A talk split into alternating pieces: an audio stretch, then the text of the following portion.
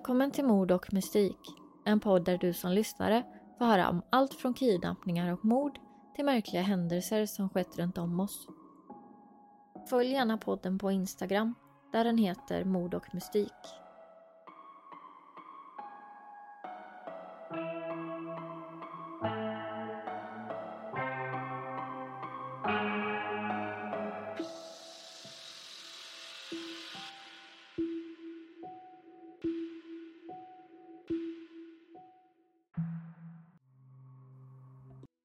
Sjuttonde maj 2008. Polisen får ett samtal om en person som blivit påkörd på en motorväg nära staden Stoke-on-Trent, England. När polisen anländer till platsen ser de två personer stå lugna vid sidan av vägen bredvid den högt trafikerade motorvägen M6. Situationen uppfattades inte som allvarlig av poliserna. Men inom några minuter tog situationen en oväntad och dramatisk vändning.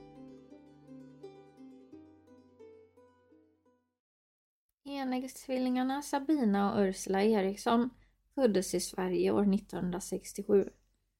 I syskonskaran fanns också en stora syster och en storebror. Man vet väldigt lite om deras liv innan motorvägsincidenten men man vet att systrarna redan i skolåldern beskrevs som lite märkliga. De höll sig för sig själva och kunde ibland uppvisa våldsamma tendenser. Båda systrarna flyttade från Sverige i vuxen ålder. Ursula flyttade till USA och Sabina till Irland där hon skaffade partner och två barn. Det sägs att Sabina under en period flyttade till sin syster i USA för att bo med henne. Men man vet inte riktigt varför hon valde att lämna Irland och sin familj. Varje gång systrarna besökte varandra vittnades det om att de ska ha varit helt oskiljaktiga. Helt plötsligt efter Ursula varit och besökt Sabina på Irland år 2008 valde de båda att bara åka därifrån utan att berätta för någon. Detta var den 16 maj 2008. Dagen efter sågs de tillsammans i Liverpool i England. I England gick tvillingarna in på en polisstation där Sabina berättade för polisen att hon var orolig över sin partner och deras barn på Irland. Detta ledde till att poliserna i England kontaktade den irländska polisen som åkte till Sabinas hem för att kolla om hennes partner och barn var okej. Vilket de verkade vara. Sabinas partner berättade för den irländska polisen att systrarna bara hade försvunnit efter att han och Sabina hade bråkat dagen innan. Klockan 11.30 när systrarna lämnade polisstationen satte de sig på en buss mot London. När de klev på bussen vägrade de lägga sina väskor i bagageutrymmet i bussen och insisterade på att få ta med väskorna ombord.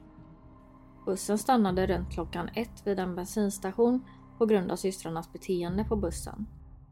Chauffören hade blivit misstänksam mot systrarna då de insisterade på att få hålla i sina väskor och vägrade låta honom söka igenom dem.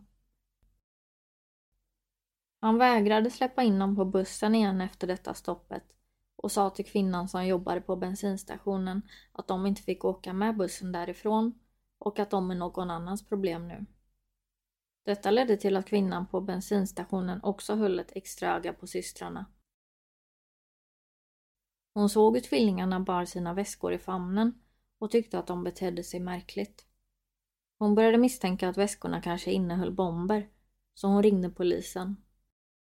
Polisen anlände och pratade med tvillingarna, men upplevde inte situationen som konstig. Poliserna gav tvillingarna ett telefonnummer till bussbolaget så att de kunde hoppa på nästa buss in mot London och sen lämnade de platsen. Istället för att ringa och kolla när nästa buss skulle komma valde de att fortsätta till fots längs med motorvägen mellan de två filerna. Motorvägen M6 har övervakningskameror längs med vägen som övervakas av ett kontrollcenter. De som jobbade på kontrollcentret i Birmingham såg hur tvillingarna kom gåendes mellan filerna på motorvägen runt klockan 15.20. Detta gjorde att de valde att skicka ut en enhet för att undersöka situationen. De som åkte ut på ärendet var inga poliser utan jobbade för övervakningscentret för att se till att trafiken flöt på längs med motorvägen. När Ursula och Sabina såg denna bil komma hoppade de över räcket och började springa på den ena filen mitt på motorvägen där mängder av bilar kom körandes i hög hastighet. Man kunde se från kontrollcentrets övervakningskameror hur bilarna som kom emot dem började bromsa för att undvika att krocka med systrarna. Men en bil råkade köra på Sabine. Bilarna på denna motorväg körde i 90 km i timmen, så man var rädd att Sabina hade skadats allvarligt i kollisionen. De skickade därför ut både polis och ambulans till platsen för att hjälpa till med situationen.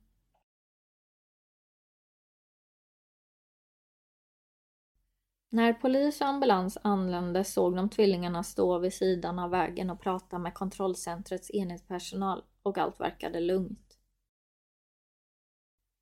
Poliserna som anlände höll på att spela in ett avsnitt av BBCs program Motorway Cops, vilket gjorde att de hade ett kamerateam med sig när de anlände till platsen. Ambulansen hade inte kommit dit än, men det såg knappt ut att behövas. Sabina verkade inte ha skadats alls när hon blev påkörd. Systrarna stod en bit bort och pratade med en annan ur kontrollcentrets motorvägsenhet. Alla inblandade stod vid sidan av motorvägen medan poliserna blev informerade om vad som hade hänt. Right, what we've got is they were in the central res. Why? Exactly. And they speak English? Speak one speaks English, oh yeah. The one in the red, Yeah. we had a block coming up Right. because we knew they were on camera. A full closure? Full closure northbound. They were trying to cross the Bravo, so as we approached, they did. They hadn't seen this man. The red ones got knocked down by the red car over there. I've got an ambulance en route for. She Right. seems all right, but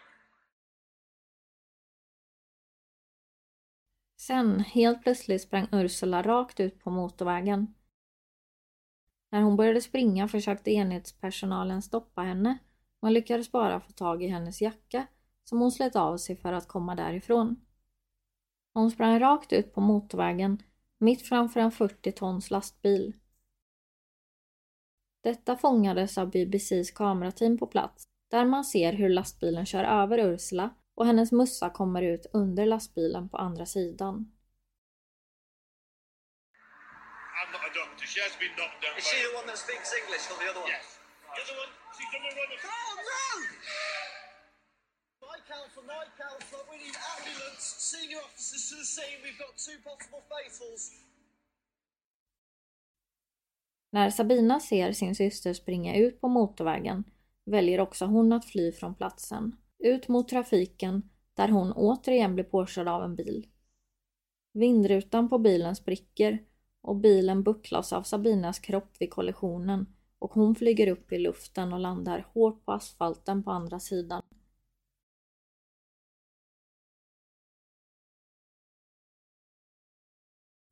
Båda systrarna hade alltså nu blivit påkörda. Ursula av en lastbil och Sabina för andra gången av en personbil. De låg båda medvetslösa och orörliga på marken, men de var vid liv. All personal som befann sig på platsen spärrade direkt av all trafik i körfältet och började med hjälpinsatsen i väntan på att den redan tillkallade ambulansen skulle komma till platsen. En av poliserna springer till Ursula och ser direkt att hennes ben är brutna efter kollisionen med lastbilen. Ursula vaknar till och börjar skrika att hon vill att polisen kommer till platsen samtidigt som hon blir aggressiv och börjar spotta och klösa efter polisen som sitter bredvid.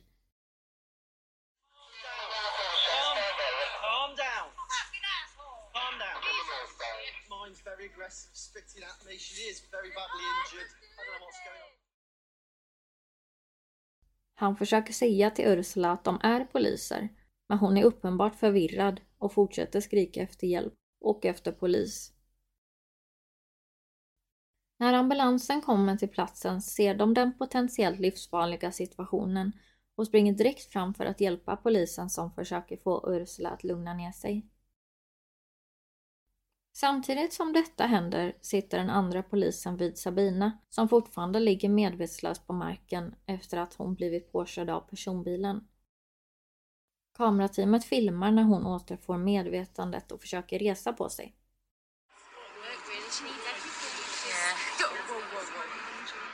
Right, don't get going anywhere, okay? Just chill, chill, okay? Try to relax. Just lie down again.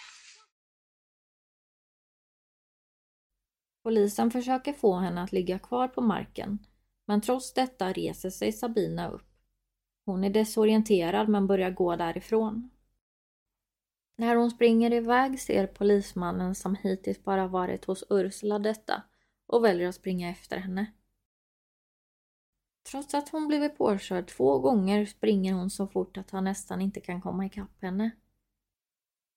När Sabina ser att hon blir jagad av polisen stannar hon och slänger av sig sin röda kappa och gör sig redo för att slåss mot polisen. Hon börjar studsa upp och ner och går runt honom i en ring. Polismannen som förstått att båda systrarna var desorienterade och förmodligen påverkade av någonting fick hela tiden fortsätta upprepa att han var polis i hopp om att hon skulle lugna ner sig. Fler poliser som anlänt till platsen kommer till undsättning och tillsammans med hjälp från några civila som passerat förbi platsen börjar de tillsammans försöka få Sabina och situationen under kontroll. De som var inblandade i Sabinas gripande beskriver henne som omänskligt stark och till slut krävs det sex personer för att få henne under kontroll. De tvingades binda henne med rep och sedan lyfta henne från platsen samtidigt som Sabina skriker efter polis och ber om hjälp.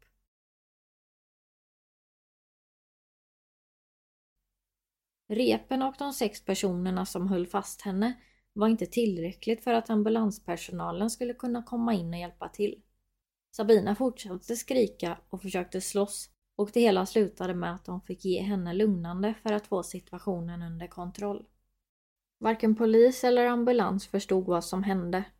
Ingen av dem hade någonsin varit med om något liknande men alla var övertygade om att tvillingarna var drogpåverkade eller möjligtvis hade någon form av självmordspakt eller liknande. När man väl fick kontroll över systrarna och dessa blev körda till sjukhus genomsökte man deras väskor där man hittade flera olika mobiltelefoner och identitetshandlingar till den ena systern. När de anlände till sjukhuset kunde det konstateras att Ursula var i kritiskt tillstånd men att Sabina bara led av lindriga skador. Ursula fick därmed stanna kvar på sjukhuset för vård samtidigt som Sabina fick prata med socialsekreterare och psykolog. Efter att ha pratat med henne om allt som hänt var de överens om att hon var lämplig att släppas, så hon fick därför lämna sjukhuset efter fem timmar och polisen transporterade henne till polisstationen för förhör. När polisen pratade med Sabina var hon som en helt annan person. Hon var lugn och sansad, till och med så lugn att polisen valde att transportera henne utan handbojor i baksätet av bilen. Från att ha upplevt kaoset på motorvägen med en Sabina som skrek och slogs så var hon nu istället helt normal och skrattade och skämtade till och med lite med poliserna. Under förhöret frågade man ut henne grundligt om hennes historia, hälsa, eventuella sjukdomar och mediciner och liknande och om hon någonsin försökt att skada sig själv. Något hon svarade nej på. I förhöret frågade inte Sabina en enda gång hur det hade gått för hennes syster efter incidenten på motorvägen. Hon betedde sig nästan som om det hela aldrig hänt. Man letade även efter droger i systrarnas väskor och passade också på att testa Ursulas blod efter spår av droger när hon redan låg nedsövd. Men till polisens förvåning visade proverna negativt på både spår av droger och alkohol. Sabina blir sedan åtalad för att ha befunnit sig olovligen på motorvägen och för misshandeln av polisen. Hon erkände sig skyldig och dömdes senare till en dags häkte, men då hon redan suttit den tiden släpptes hon direkt. Dessa brott var inte tillräckligt allvarliga för att kunna beordra sjukhuspersonalen att ta ett blodprov på henne också. Men med tanke på att Ursulas prov visade negativt antog polisen att droganvändning inte var förklaringen till tvillingarnas märkliga beteende. I förhöret säger Sabina till poliserna att det finns ett svenskt uttryck som lyder En olycka kommer sällan ensam. Det kommer snart visa sig att Sabina hade rätt.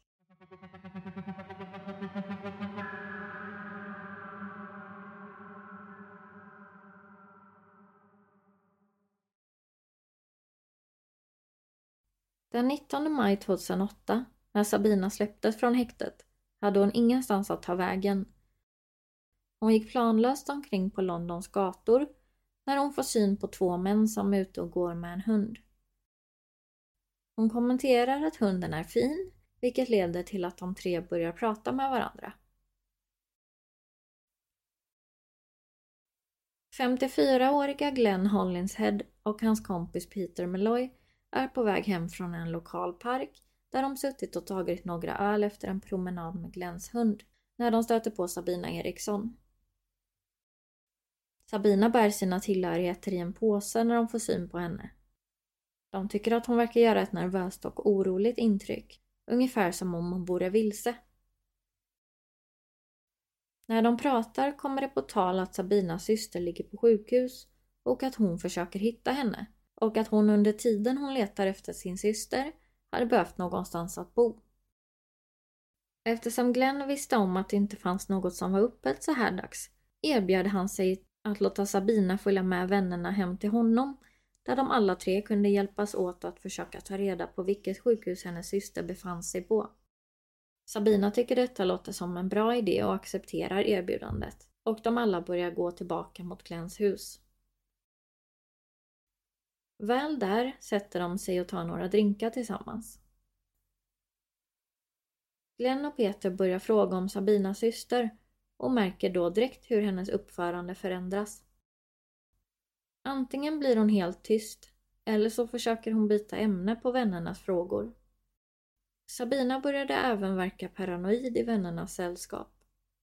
Hon reste sig flera gånger från bordet där de satt och gick fram till fönstret, vinklade undan persiennerna, tittade ut längs med gatan och vred sedan igen dem igen och gick tillbaka och satte sig.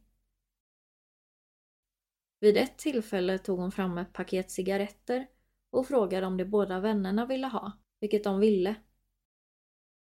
Sen när de fick varsin cigarett och var på väg att tända dem lutade sig Sabina snabbt fram och ryckte dem i munnen och sa att de kunde vara förgiftade. Detta trots att Sabina själv hade rökt från paketet ända sedan Glenn och Peter hade stött på henne. Sabinas beteende gjorde att Peter började känna sig illa till mods.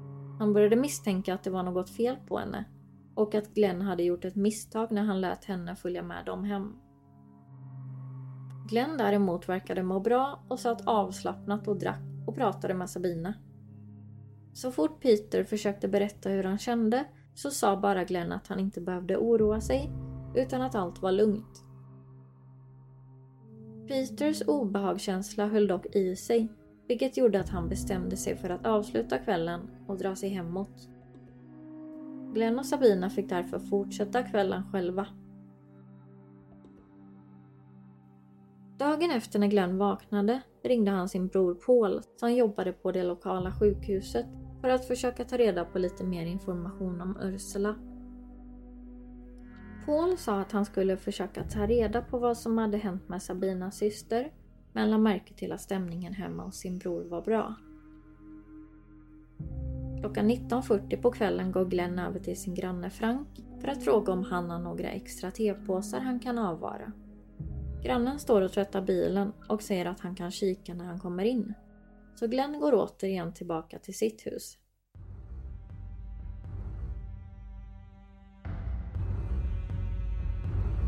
En minut senare kommer Glenn ut igen.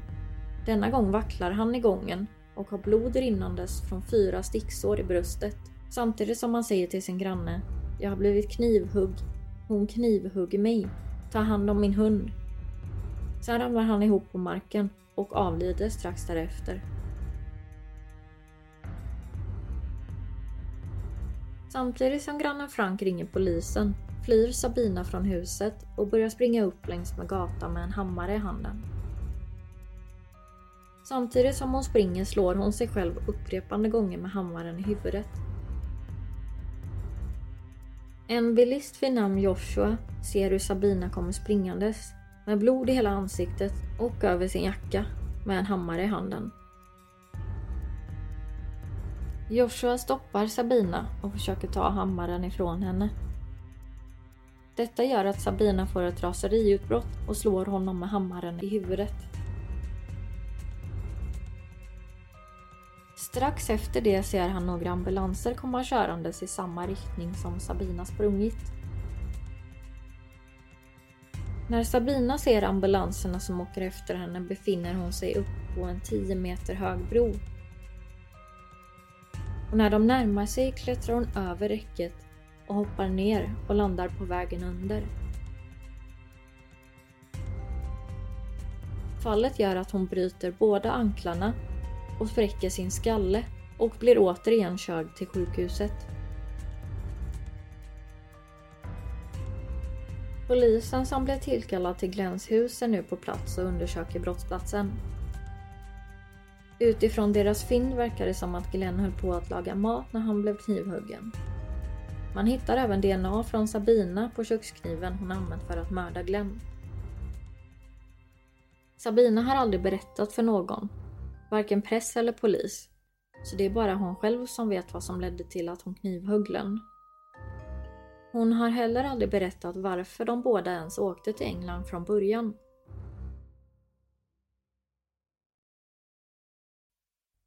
Hon blev bedömd av två rättspsykiatriker i anslutning till att rättegången skulle hållas. Båda dessa kom fram till att hon var psykiskt sjuk när mordet inträffade. Man kunde inte komma överens om vilken sjukdom hon led av.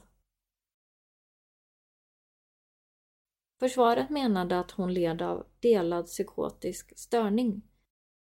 En sällsynt sjukdom där man menar att Ursula fått en psykos först, som sen spridit sig till Sabina så även hon fått en psykos. Så här beskriver Wikipedia sjukdomen. Folie à deux. Symbogen psykos eller inducerat vanföreställningssyndrom är en relativt sällsynt psykisk störning. Namnet betyder två personers vansinne, det vill säga två personer som delar samma vanföreställningar. Det riktades även stark kritik mot varför Sabina hade blivit släppt från sjukhuset så fort efter motorvägsincidenten. Hade en rättspsykiatrisk utredning skett vid det tillfället hade troligtvis mordet på Glens Hollinshead aldrig inträffat. Om hon nu led av psykos kan det komma och gå i omgångar. Detta innebär alltså att hon kunnat ha en psykotisk period under tiden för motorvägsincidenten som sedan upphörde under tiden på sjukhuset och sen aktiverades igen när hon blivit släppt. Dessutom blev hon injicerad med lugnande under kaoset på motorvägen som också kan ha gjort att hon uppträdde bra under tiden på sjukhuset. Sabina blir till slut dömd till dråp med minskat ansvar på grund av den psykiska störningen. Alltså accepterade domaren att Sabina skulle ha lidit av en allvarlig psykisk störning vid tillfället för mordet. Nu ansåg man dock att Sabina var helt tillfrisknad från den psykiska störningen. Hon dömdes till fem års fängelse utan krav på övervakning efter frigivningen. Straffet och motiveringen till varför mordet skulle klassas som ett dråp gjorde anhöriga till Glenn upprörda som menade att man bara gissade vad Sabina led av för psykisk sjukdom eller om hon ens led av någon. Domaren svarar på kritiken och säger att straffets längd inte återspeglar värdet av Glenns Hollinsheads liv och inte heller återspeglar det lidande de drabbade till Glenn har utstått utan att straffet är till för att skydda allmänheten och säkerställa att Sabina är helt frisk tills hon släpps ut. Två och ett halvt år fick Sabina avkänna innan hon släpptes och valde att återvända till Sverige, likt hennes syster Ursula gjorde när hon släpptes ut från sjukhuset efter att ha blivit påkörd av lastbilen. Efter denna händelse vet man inte vad systrarna tagit vägen. Det finns egentligen ingenting mer dokumenterat från systrarnas liv. Man har alltså ingen aning var systrarna tagit vägen efter detta.